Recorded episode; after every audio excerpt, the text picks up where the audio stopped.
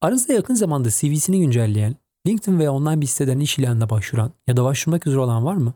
Cevabınız evet ise başvuru yapmadan önce bu bölümü kulak verin.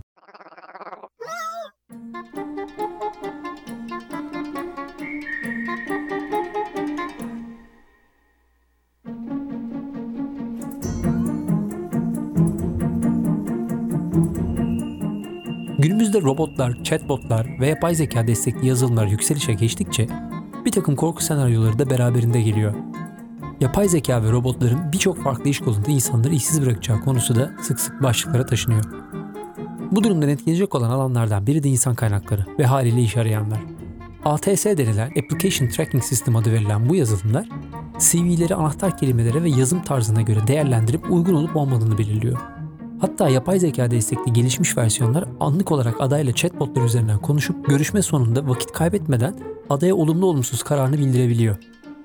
İşte bugün podcastimizde insan kaynaklarının yerini alan algoritmaları, yani başvurularınızı değerlendiren yapay zeka destekli insan kaynakları botlarını konuşuyoruz. Hakelder Geleceğin yeni bölümüne hoş geldiniz. Bugün yine Sertaç Doğanay ile birlikteyiz. Hoş geldin Sertaç. Hoş bulduk Aykut. Ne haber? Vallahi iyiyim. Teşekkür ederim abi. Seni sormalı. Uzunca bir zaman girdi bu sefer araya. biraz biraz öyle oldu. Olsun. Bir sürü şey birikti konuşacak.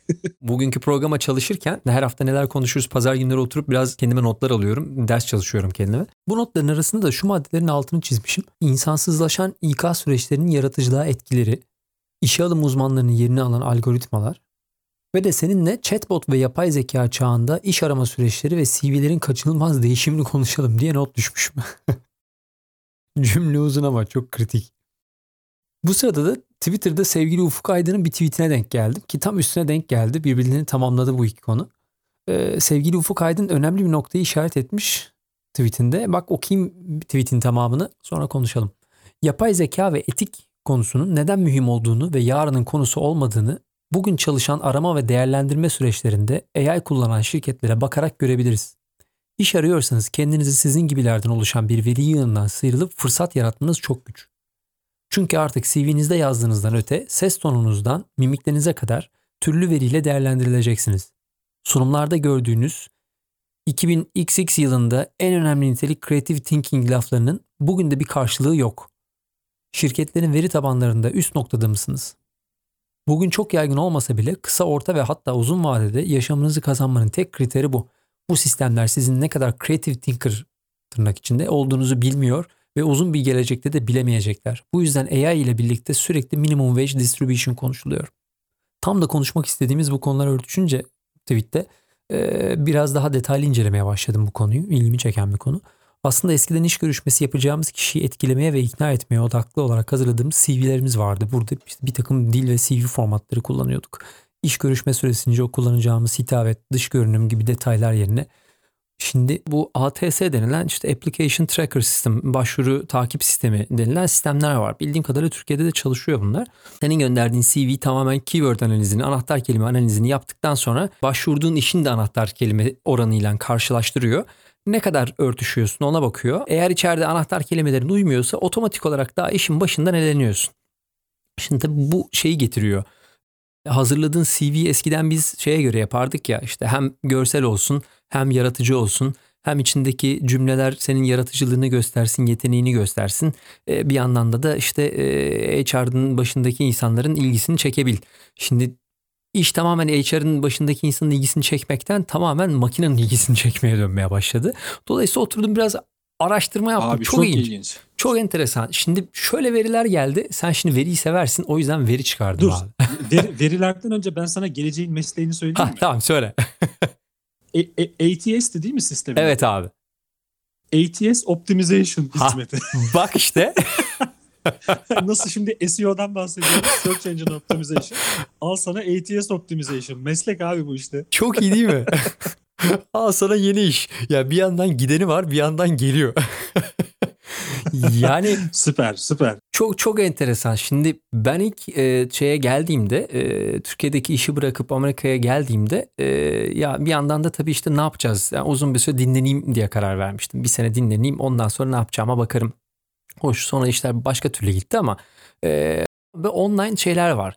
E, servisler var, danışmanlar var. Gönderiyorsun CV'ni. Bu adamlar bu ATS'ye sokuyorlar senin şeyini, e, CV'ni. Ve e, sana ondan sonra bir tane rapor gönderiyor. Uzunca bir rapor böyle 3-4 sayfalık. Diyor ki işte senin şu şu şu kelimelerde e, oranın kelime başına %40'larda çıkıyor. Şunda %70 çıkıyor. Bunun da %56 çıkıyor tek tek.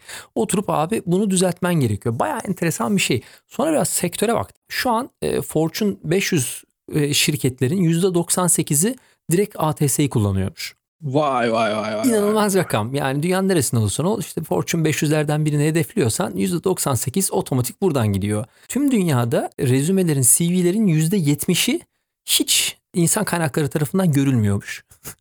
İnsana uğramadan geçiyor. Hiç uğramıyor. Otomatik olarak sisteme giriyor, sistemin içerisinden eleniyor ya da tabii bu sistemi kullanmayanlar varsa da hiç otomatik e, insanlara hiç düşmüyor. O yığının arasında kalıyor gidiyor aslında. Kimse görmüyor.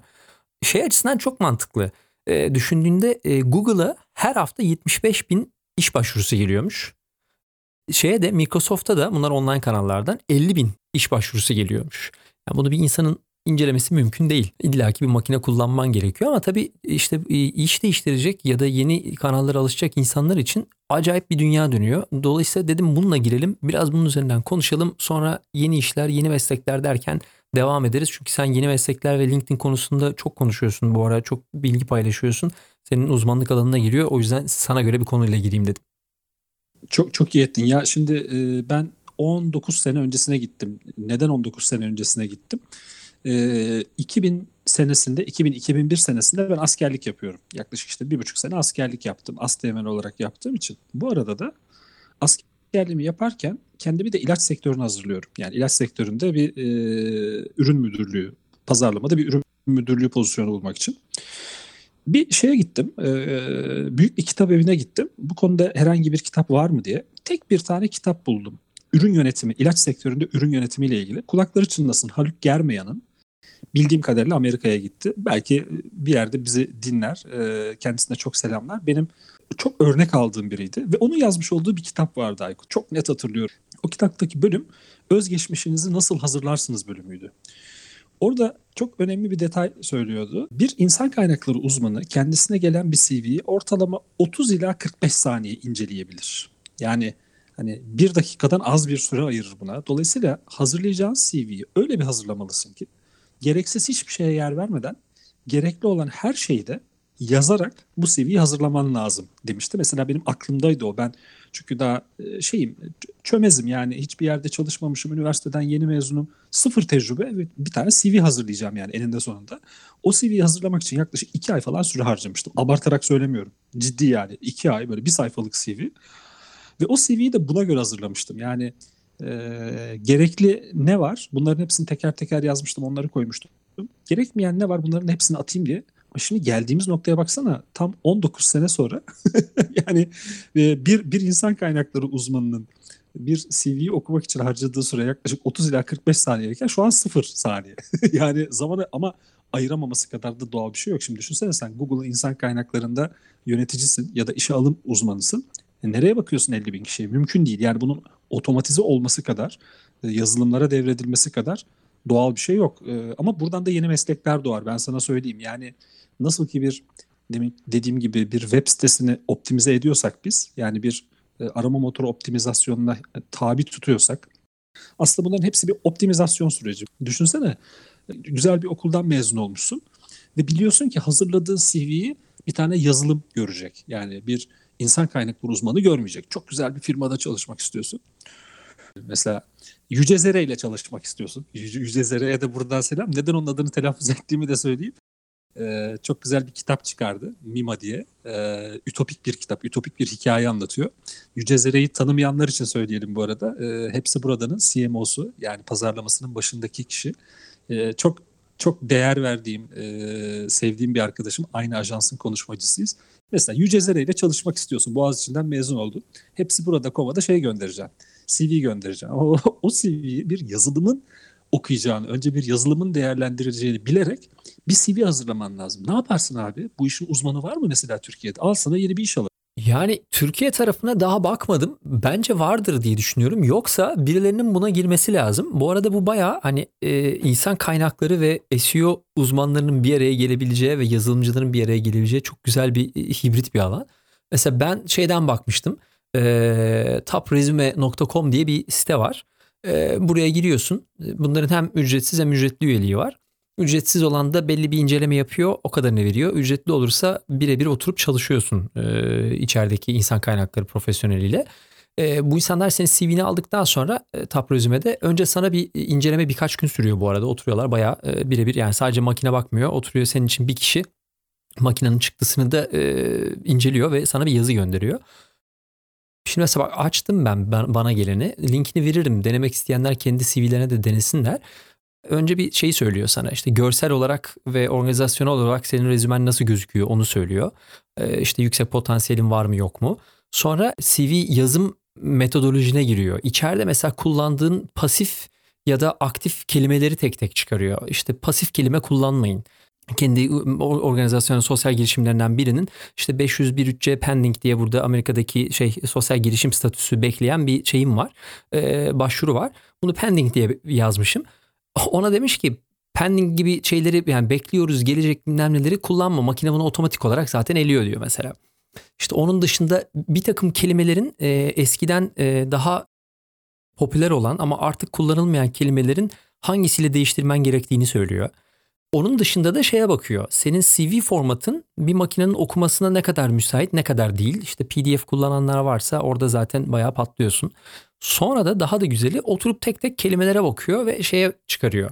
Ee, içeride kullandığına göre makine seni e, nerede uzman görüyor. İçeride çünkü çok fazla kelime kullandığın için e, her bir kelime oranına göre makine seni hangi alanda uzman görüyor ona bakıyor. Eğer sen marketing alanı dışında bir yere başvuruyorsan otomatik olarak zaten düşeceksin. Ama marketing ilanı ise ve sen de %85'lerde çıkıyorsan işte oradaki yarışma oranın artmaya başlayacak.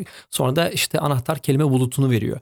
Ha, çok enteresan ya. Bayağı hoş bir şey bu arada. Yani konu oralara kadar geldi yani. Vay evet. Bu, bu, bunu yaparken benim daha evvel hatırladığım bir tane şey örnek vardı bu arada. Yanlış hatırlamıyorsam e, gene linkini paylaşırım. Fast Company'nin ya yazarlarından biriydi ya da e, yazılımcılardan biriydi. Bir seferde binlerce firmaya başvuru yapmak için nasıl bir e, iş başvuru botu yazdım diye bir tane makale var. Bu adam oturuyor ya arkadaş bütün bu iş başvuruları makinelerle dönüyor. Ben kendime bir tane şey yapayım bot yazayım içine basayım CV'yi binlerce firmaya göndersin diye son, bir test yapıyor. Bu testin sonuçlarını açıklıyor. Ne kadar doğru ne kadar yanlış. Ben bunları hep koyacağım. Yani iş başvuru süreci olan varsa ya da botlarla ilgilenen varsa bence bir tek tek baksın. Bu çok enteresan. Mesela e, benzer bir örnekte bu adam işe bulamamış bu arada. işe girememiş. Ama benzer bir şekilde işe girenlerden biri var. O da şeyi yapıyor. CV'sini otomatize etmiyor ama e, cover letter'ını otomatize ediyor. Ön mektubunu, niyet mektubunu. Ve bunu şeyle yapıyor bu arada. Yapay zeka dediğimiz için gene oradan çıkacağım.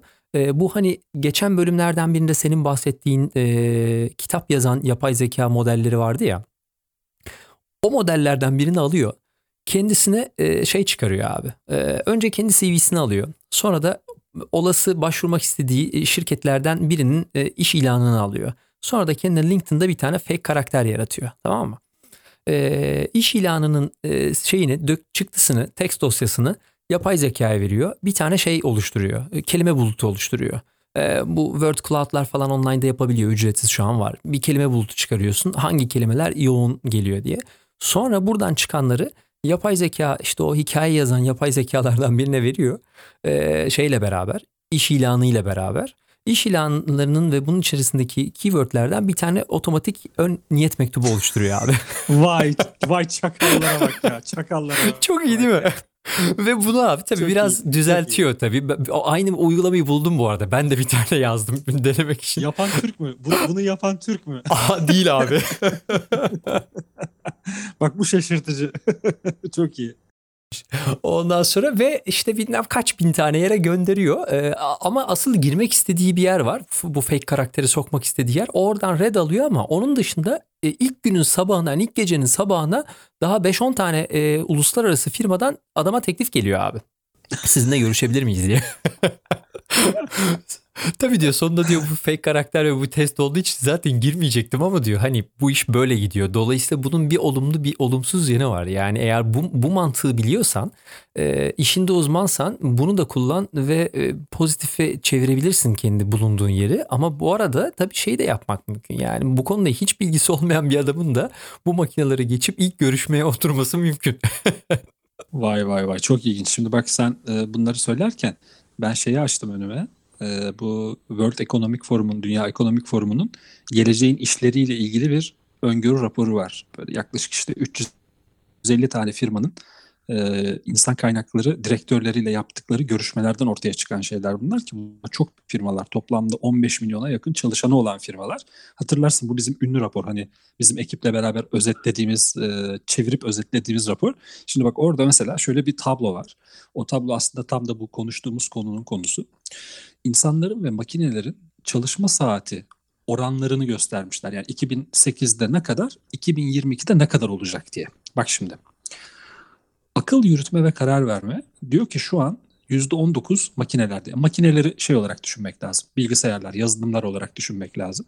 %19 diyor yaklaşık %20'si. Fakat 2022'de bu işin yaklaşık %30'unu bilgisayarlar yapacak diyor. Akıl yürütme ve karar verme. Şirketlerde yapılan işlerden bahsediyorum. Ondan sonra e, işle ilgili bilgileri tanıma ve değerlendirme. Aslında biraz evvel senin anlattığın şey bu. Yani oradaki o bilgiyi tanıyor ve değerlendiriyor. İnsan kaynaklarına 700 tane aday başvuruyor. Oradaki o bilgileri tanıma ve değerlendirme işi şu an yaklaşık %30'u, %29'u bilgisayarlar tarafından yapılıyormuş bu işin şu an için. Fakat 2022 yılında bunun %46'ya çıkacağı yani neredeyse %50'ye varacağı konuşuluyor, öngörülüyor. Bu, bunlar bu arada insan kaynakları direktörlerinin yani üst düzey çalışanlarının, genel müdür yardımcılarının e, görüşleri.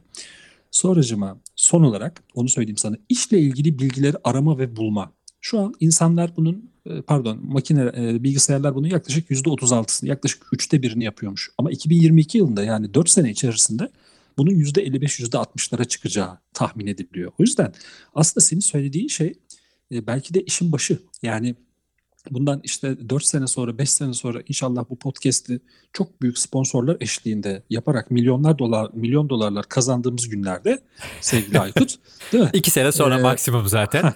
Maksimum 2 sene aynen öyle. Ondan sonra da zaten ex- exit yapacağız. Sonra San Francisco'da yaşarız. Tür- Tür- Türkiye'den unicorn çıkmıyor diyorsunuz. Alın size unicorn.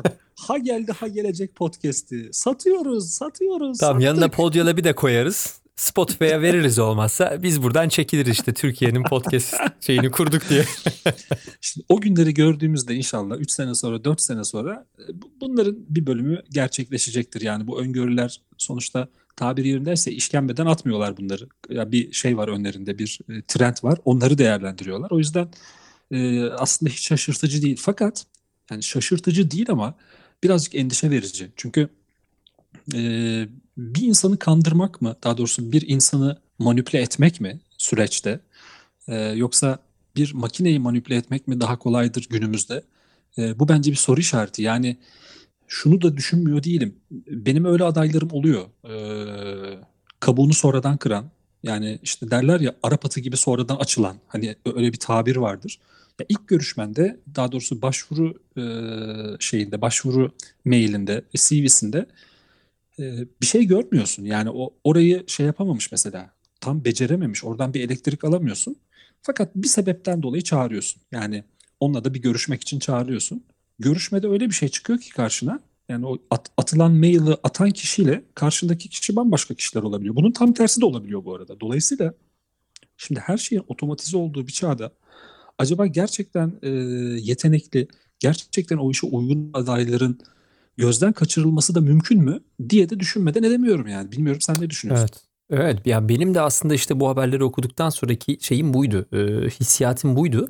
Şimdi bu konulara hakim olan insanlar zaten kendini adapte edecek ve başvurularını yaparken işte bu imkanlardan faydalanacak. Gene aslında bir şekilde kendi haklarını eşitleyecekler orada. Ama buraya uzak olan bu, bu böyle bir durum olduğundan biraz daha bir haber olan ya da haberi olsa da imkanları olmayan insanlar için otomatik risk olmaya başlıyor. Yani yeteneği olsa da sırf buraya adapte olamadığı için buradan uzak kalan bir, bir jenerasyon olacak büyük ihtimalle. Aynı şimdi şeyde yaşadığımız gibi mesela işte nasıl bizim üst jenerasyonumuzun e, anne babaların telefona alışması, bu dijital ortama alışması zor oldu. Telefona belki alıştılar ama hala işte mobil ödemeler konusu bilmem ne konusunda hala daha sıkıntılar varsa. Şimdi burada da büyük ihtimalle aynı şeyi yaşayacağız. Dolayısıyla orada yetenekli insanı bulabilmek ya da işte kreatif insanı bulmak bayağı zorlaşacak bence. Arada ciddi bir kısmını çöp diye bu sistemler atacaklar. Dolayısıyla burada da aslında bir avantaj da geliyor. Bunu düşünebilen, bunu öngörebilen firmalar farklı bir e, seçim sistemi kurarsa kendine aradan o yetenekli ama e, işte büyük çoğunluğun arasında olmayan, kendine yolunu bulamamış insanları seçip daha farklı ve daha yaratıcı işlerde çıkarabilir. Yani her işin içinde bir artı eksi var ama ço- çok pardon çoğunluğa baktığımız zaman e, ciddi bir problem var burada. Ya özellikle Türkiye için şu an bence var. Çünkü kaç kişi gerçekten şu an böyle bir sistem var ve ben buna göre CV'mi hazırlamalıyım sorusunu sorsak hatta bence üniversitede derslerde sorsan süper olur bence Sertaç. Bir sonrakinde konuşuruz bunu. Bayağı enteresan yanıtlar alırız diye düşünüyorum. Abi ben önümüzdeki hafta çarşamba günü e, Bilgi Üniversitesi'nin şeyindeyim. Talent Fest. Bu e, Harika, işte kariyer günleri gelmiş. şeyi. Evet evet orada yaklaşık böyle bir, bir saatlik bir sürem var benim. O bir saatin yaklaşık yarım saatini falan bir şeyler anlatarak geçireceğim. Geri kalan yarım saatinde de aslında bu konuları tartışmaya açacağım. Yani benden öyle rica ettiler. Ee, bu konuları da böyle hep beraber etkileşimli bir şekilde konuşursak ne kadar güzel olur diye. Aslında bunu test edeceğim bir yer olacak. Test edeceğim derken yani insanlar böyle bir şeyden ne kadar haberdar? Mesela e, Bilgi Üniversitesi'nin e, kariyer danışma merkezi, kariyer e, yönetim merkezidir ya da adı tam hatırlayamadım. Mesela böyle bir şeye uygun CV'ler hazırlamanın yönlerinden bahsediyor mu acaba adaylara? Ee, nasıl bir şey var, nasıl bir bilinç var? Yani böyle bir şeyin farkındalar mı ve bu- buna uygun bir çalışmaları var mı? Aslında onu sorabilirim. Bu arada e, Kadir Has deyince bizim arkadaşlar podcast dünyasına böyle wow diye girdiler yani. Tam tam böyle wow diye yani öyle 120 ile giderken el frenini çektiler. Şöyle bir spin attılar ve direkt e, podcast dünyasına girdiler. Yani e, o kadar mutluyum ki her seferinde kulaklarını çınlatıyorum öyle söyleyeyim. Allah'tan beni Ay, Aykut beni böyle bir şeyin içine soktu da böyle bir olayın içine. Ben de öğrenci arkadaşlara bunu anlattım da hatta ödev olarak verdim de ondan sonra da bu arkadaşlar bir şey üretiyorlar diye çok mutlu oluyorum. Şimdi bizim e, dersin adını taşıyan teknolojiiletişimi.com diye bir blogumuz var. Birkaç gün evvel açtık. Arkadaşların ürettikleri blog yazılarını, YouTube videolarını ve podcastleri orada yavaş yavaş sergilemeye başlıyoruz. Tam anlamıyla sergilemek diyorum ben bunu. Çünkü e, hani şeyler olur ya böyle e, mimarlık şeylerinde böyle projeler vardır. Onlar bir yerde böyle sergilenir. İnsanlar bunları görür.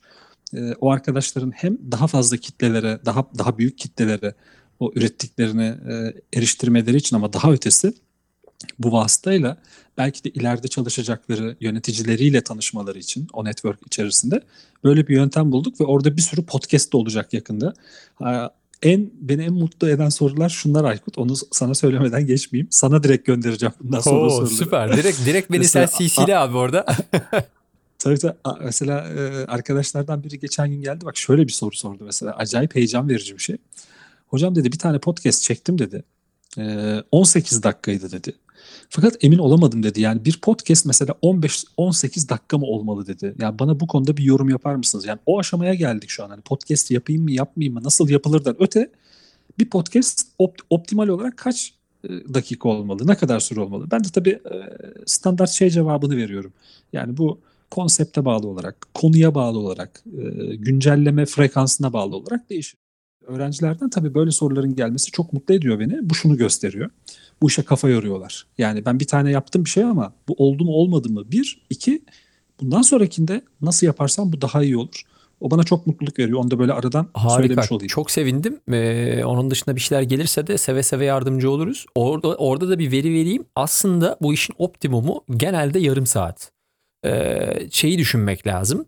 Ee, yolda dinledikleri için genelde e, yüzde yaklaşık 26'sı insanların e, Amerika için söylüyorum. İşte e, transportasyon yol, yol esnasında arabada dinliyor. Yüzde 44'ü yaklaşık evde dinliyor. Orada da evde işler yaparken dinliyorlar.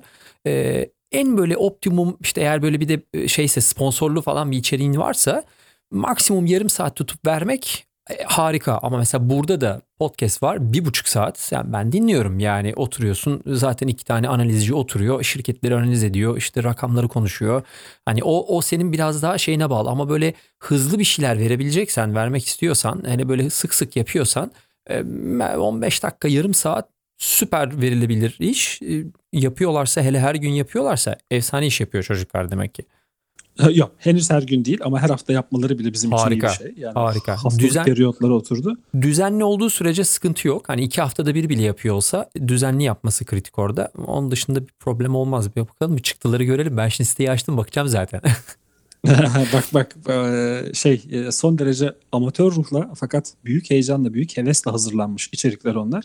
Ben çok mutlu oluyorum. Dün bir tanesini paylaştım. Eee, benim öğrencilerimden biri Bahadır Öz. Buradan da adını telaffuz etmekten çok mutlu oluyorum. E, Double major yapıyor. Yani çift ana dal yapıyor. Psikoloji eee, ve halkla ilişkiler. Öyle güzel yazmış ki. eee, yarın da Ari diye bir arkadaşımız var. Ari Mığdız. Onun yazısını paylaşacağım. Yani hepsi aslında paylaşmaya değer. Arkasında bir emek var. Fakat bazıları gerçekten şey yani böyle bir blog yazısı olarak alıp bir köşeye koyup orada okuyabileceğin tadda yazılar, lezzetli yazılar. Ee, çok mutlu oluyorum o yüzden. İnşallah Süper, oradan çok güzel daha ya. güzel şeyler çıkacak. Sene Süper. sonunda çerçeveleteceğim ben o şeyi. Teknolojiiletişim.com'u rektör hocamıza hediye edeceğim. Bakın hocam diyeceğim. Sizin öğrencileriniz ne kadar güzel böyle 300 tane 400 tane içerik hazırladılar. Bununla bence gurur duymalısınız diyeceğim. Zaten e, sağ olsun Sondan Hoca, rektör hocamız çok destekliyor e, bizim dersimizi. Çok çok da güzel bir devam oranıyla gidiyor. Yani e, bir seçmeli ders için çok alışılagelmedik bir oran bu. %90'lara varan bir devam oranı var arkadaşlardan. O yüzden bu, burada buradan buradan onlara böyle kocaman Tebrik ediyoruz o zaman. Kocaman sevgilerimi iletiyorum. Zaten her pazartesi iletiyorum. WhatsApp'tan falan sürekli mesajlaşıyoruz ayrı ama onları çok sevdiğimi bir de buradan tekrar edeyim. Hepsini gözlerinden öpüyorum. Ne Şimdi güzel şey ya. Konusu- be- beni üniversiteye tekrar sokacaksın Sertaç böyle giderse. her her zaman bekleriz abi. Öğrenmenin yaşı mı var ya? Ben de her gün yeni bir şeyler öğreniyorum valla. Şimdi şu insan kaynakları ile ilgili konuyu kapatmadan önce dedin ya hani geleceğin meslekleri nedir vesaire. Onlar çok detaylandırılabilir. Bir sürü tabloları falan var ama insan kaynakları departmanının gündemi nasıl şekillenecek? Esas e, o soruya bir cevap bulmuşlar. Cevap aramışlar ve cevap bulmuşlar. Onu da 5 maddede e, çok güzel sıralamışlar bu e, Dünya Ekonomik Forumu'nun yaptığı raporda. Yani 5 sene sonra bundan işte 7 sene sonra insan kaynakları departmanı ne yapacak? Ya bugün yaptığından farklı ne yapacak? Nelerle uğraşacak? Neye zaman ayırması, neye kaynak ayırması gerekecek? Bununla ilgili bir e, şey yapmışlar. Projeksiyon yapmışlar. Orada ortaya çıkan şey şu. Hep konuştuğumuz şey aslında. Yeni teknolojileri kullanma becerisine sahip kalıcı personeller işe alma. Birincisi bu. Birinci gündem maddesi bu. Yeni teknolojiler dediğin zaman da bunun adını koyamıyorsun şu an. Yani şu teknoloji bu teknoloji diyemiyorsun. İlk defa ilk defa Dünya Ekonomik Forumu'nun bir raporuna yeni teknolojiler diye bir kavram girdi. Yani şöyle ki mesela geleceğin meslekleri arasında bir sürü şey var. İşte veri analisti var, ondan sonra e, yazılımcı var, şu var, bu var. Bir, bir sürü bir şey görüyorsun. Bir de arada yeni teknolojiler uzmanı diye bir şey var. Şimdi bu, bu o kadar güzel bir terim ki, o kadar hoşuma giden bir terim ki uğraştığım alan o ya. Çünkü sen yeni teknoloji uzmanı dediğin zaman bunun altına bir sürü şeyi koyuyorsun aslında. Yani bir, bu yeni teknolojiyi üreten adam. Yani argesini yapan adam. Araştırıyor, geliştiriyor, önüne koyuyor. Bak diyor böyle bir ürün var. İkincisi, bunu merak eden, araştırıp okuyan, ondan sonra anlayan ve anlatan kesim. İşte teknoloji iletişimi dediğimiz şeyde konuştuğumuz hikaye o zaten. Dolayısıyla yeni teknoloji uzmanı aynı zamanda bir şeyi üreten olmakla beraber öte yandan da bunu anlatan ve toplulukların işte şirketteki kurumdaki insanların veya bireylerin e, bu teknolojileri düzgün bir şekilde kullanabilmesini, adapte olabilmesini sağlayan kesim. Bu çok önemli. İkinci madde şey tarafında insan kaynaklarının gündemi nasıl şekillenecek tarafında yapılan işleri otonom sistemlere devretme. Ha, senin demin anlattığın Ah, şey buyur işte. bakalım. Yani e, insan kaynaklarının gündeminde ikinci madde bu. Üç, çok önemli. En meşakkatli kısımlardan bir tanesi bu. Mevcut çalışanlarını yeniden eğitme. İşte buna şey diyorlar. Yeni beceriler inşa etmek veya İngilizcesi reskilling diyorlar. En önemli depart e, şey en önemli gündem maddelerinden biri insan kaynaklarının. Yani halihazırda bizim bin tane çalışanımız var. E, Bizim e, gündem gündem maddelerimizden biri de işlerin bir kısmını otonom sistemlere devretme ya. E bu durumda ne olacak? O bi- bin kişiden örnek veriyorum. 100 kişi halihazırdaki bilgisi, tecrübesi ve becerisiyle o günkü işini yapamaz olacak. E na- ne yapıyor o zaman insan kaynakları? Şunu düşünmeye başlıyor. Biz bu arkadaşlarımızı yani işlerini otonom sistemlere devrettiğimiz arkadaşlarımızı nasıl yetiştirerek onlara tekrar yeni beceriler kazandırarak ki bu sürenin 3 ay ile ortalama 3 ay ile bir sene arasında olması düşünülüyor. Bu arada büyük bir harcama bu. Yani bir çalışanı 6 ay, bir çalışanı 8 ay, 10 ay eğitmek demek. Yeni beceriler kazandırmak için bildiğin üniversite okutmak demek aslında. Öyle bir maliyet bu. Korkunç bir maliyet. E, yani şey olarak baktığında, süre olarak baktığında e, iki buçuk üç MBA falan eder. Hani hafta içi e, Büyük 4 yatırım. gün MBA'ye gittiğini düşün. Aynen öyle. O- Onunla onu hesapladığın zaman e, 7 ay 8 ay birini eğitmek demek iki defa MBA yaptırmak demek. Çok kabaca söylüyorum yani saatsel olarak saat şeylerini hesapladığın zaman. Dolayısıyla bu çok önemli bir gündem maddesi olarak giriyor. Son olarak mevcut çalışanlarından yeni beceriler kazanmasını bekleme. Yani eşittir şu demek. Ben e, kurumun insan kaynaklarındayım. Sen de benim çalışanımsın. Diyorum ki Aykut bir yere kadar ben sana yatırım yapacağım kardeş. Ama bir yerden sonra lütfen artık sen de bu işe bir şey yap. E, taş, el- elini taşın altına bir koy. Yani hani okuyarak mı öğreniyorsun, işte izleyerek mi öğreniyorsun, online kurs mu alıyorsun, ne yapacaksan yap da lütfen hani benim sana verdiğim katkının ötesinde sen de buraya bir katkı koy, kendini biraz daha yetiştir. Beraber çalışmaya devam edelim diyorum sana aslında verdikleri mesaj o. Son olarak da yeni teknolojilere, yeni teknolojileri kullanma becerisine sahip olmayan personeli işten çıkarma. İşte bu işin en en tatsız tarafı. Yani ilk 5 ilk 5 madde böyle ve son madde gerçekten biraz korkutucu taraf. Bu arada bu tabii yeni bir şey değil aslında. Ee, şöyle bir istatistik vereyim. Bu çarpıcı bir istatistik. Wall Street'te yani dünyanın işte en büyük borsalarından biri diyelim. İşlemlerin %70'i şu an yazılımlar tarafından yapılıyor. Ve 2000 senesinde Wall Street'te çalışan 150 bin kişi varken 150 bin çalışan şu an çalışan sayısı 100 bin Aykut.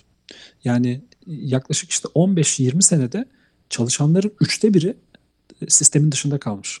Çünkü işlemlerin çok büyük bir kısmını yazılımlar yapıyor ve e, yazılımların yapması kadar da doğal bir şey yok. Çünkü şeyler oynuyor orada. E, milisaniyeler rol oynuyor. Milyon dolarların e, yer değiştirmesinde. Yani bir insanın zaten aklını bir kenara bırakıyorum. Hani işlem şeyini falan filan hızı yetmiyor buna. Yani sen e, o tuşlarla muşlarla uğraşana kadar 3 milisaniyelerde 5 milisaniyelerde hallediyor zaten o işi. İnsan olarak böyle bir hıza erişme şansımız yok. O yüzden de bütün bunların hepsini topladığımız zaman büyük bir ihtimalle 5 sene sonra 6 sene sonra hem işe alım senin anlattığın e, sistemler vasıtasıyla aday seçme, e, işe yerleştirme hem de ondan sonrasında bu adayları bir sonraki aşamaya hazırlama yani o e, otomatize sistemlerin e, bıraktığı yerdeki daha doğrusu yarattığı açığı kapatmaya yönelik e, bu insanlara yeni beceriler kazandırma hikayesi herhalde en önemli konular olacak. İş bu aslında işte ben burada ne katabilirim? Neyi farklılaştırabilirim? Aslında işte biraz insanların ona bakması lazım. İş başvurusuysa ya yapay zeka geldi ben kendimi bu alanda nasıl aktif tutabileceğim? Artık çünkü şey bitti işte Nike'ın koş yoksa düşersin de bitti. Koşmak yetmiyor koşarken öğrenmek gerekiyor baksana. Herkes koşuyor çünkü abi koşmak bir yere gelmiyor. Şimdi bak ben ben kendi şeyimi kapamadan demin aslında bu konu tam onun konusuydu. Ben onu unuttum. Sen e, bu şeyi söylediğin zaman e, not almamışım onu ama e, adını geçirmezsek çok ayıp olur. Dedin ya bu iş başvurusu e, botunu bir Türk mü yazmış? Çok Türk kafası bu diye. E, aslında çok yakın zamanda çok başarılı bir e, iş yapıldı. Eee Kimola.com manager partneri Baby Nesen e, o paylaşmıştı geçen gün. Kurucusu da Mustafa Savaş Ha. hatta e, yakında şeye gittiler San Francisco'ya gittiler şimdi şirketini oraya da taşıdılar. E, çok güzel bir case yapmışlar. Aynı bizim demin bahsettiğimiz gibi bir tane LinkedIn'de Arthur diye bir karakter yaratıyorlar. Bu Arthur karakterine aynen abi zaten yaptıkları Kimola da tamamen yapay zeka modeli üzerine çalışıyor ya. Bu profile gerçek insan gibi CV'sine 10 bin kişiyi 3 saniyede profilliyorum ben diye bir e, acayip imkansız bir insanın yapamayacağı bir bir takım şeyler yazmışlar. Tamam mı? Tabii bu arada bu yazdıkları şeyler insan için imkansız ama aslında kim olanın kendi yapay zeka platformunun yaptığı şeyler. Sonuçta onlar da data üzerinden analiz yapıyorlar ve e, profilleme çıkarıyorlar. E, Müşteri profillemesi çıkarıyorlar. E, sonra da CV'yi işte LinkedIn'de Consumer Insights işlerine başvuru yaptırtıyorlar. Abi 10 tane interview kapmışlar. Ondan sonra galiba işte 5 tane de ayrı şey mi de 15 proposal gelmiş 10 tane de interview kapmışlar ve en sonunda da The Sociable, Sociable Co kimola.com'u haber yapmış bu başarıyı. Bayağı enteresan ve çok güzel bir iş. Tebrik ediyorum hem Baby Nesen hem Kimola ekibini. O yüzden hani şimdi Türk mü derken böyle güzel fikirler yaratan işte yapay zekayı alalım kendimize e, kreatif bir şekilde kullanalım diyen örnek çıkaran da yürüyor gidiyor tabii. O yüzden onlara da selam Evet olsun evet. buradan. Ee, e, bundan yaklaşık iki sene evvel e, Baby Nesen ve ekibini ben bir şeyde tanışmış tanımıştım. Bu Starter Aha. Seven e, çok güzel bir organizasyonundaydım ben. Bir akşam o Babe'in de oradaydı. Ee, hatırlıyorum hatta böyle kısa bir sohbetimiz de olmuştu dışarıda. Sonra geçen gün ben bu anlattığın şeyi gördüm. Yani LinkedIn'de Babe'in bunu paylaştığında benim benim de çok dikkatimi çekmişti. Yani işte bu, bu tarz akıllıca güzel uygulamalarla çıkıp alttan kendini öne çıkaranlar tabii çok avantajlı olacak ama demin işte işin başında senin de bahsettiğin gibi işte yaratıcı olup da bu yığının arasında hiç bu imkanlara ulaşamayanlar ne olacak konusu tabii bayağı problemli. Ee, onu da zamanla biraz göreceğiz bakalım. E, kapatmadan evvel hemen şunu tekrar hatırlatayım. E, podcast yayıncılığı ile ilgili bilgiler almak isteyen, bu konuyla ilgili ilgilenen e, öğrencilerin gibi ya da e, profesyonel hayatın içinde insanlar varsa üzerine çalıştığımız podyolab.com'u ziyaret edebilirler. Burada podcast yayıncılığı ile ilgili teknik bilgiler ve yönlendirmeler paylaşıyoruz. Yakın zamanda bir takım rehberler de yayınlayacağız. Hatta güzel bir takım e, yeni organizasyonel ortaklıklarımız da var. İnşallah güzel şeyler çıkacak. Orayı takip etsinler. Eğer bu bölümde konuştuğumuz konularla ilgili ya da bundan evvel konuştuğumuz konularla ilgili Sertaç'a ya da bana sorularınız varsa Twitter'dan, LinkedIn'den ve diğer kanallardan bana da aynı şekilde bu kanallardan ulaşabilirsiniz. Ya da ha geldi geleceği e, internette mention edebilirsiniz. Lütfen bize ulaşın. E, konuşmamızı istediğimiz konularınız varsa onları da lütfen e, bizimle paylaşın. Üzerine konuşalım, tartışalım. Bizimle için teşekkür ediyoruz diyoruz. O zaman görüşmek üzere. Görüşmek üzere. Teşekkürler Sertaç'cığım. Neyse ben anca giderim bu hızla artık. Hadi. Güle güle Mustafa. Beni ışınla ışınla enerjiyle.